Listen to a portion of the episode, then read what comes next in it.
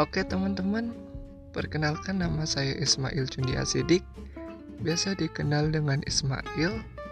Jadi di sini Ismail mau buat podcast iseng-iseng aja sih, berkreatif di rumah aja, sambil menunggu pandemi COVID-19 ini selesai.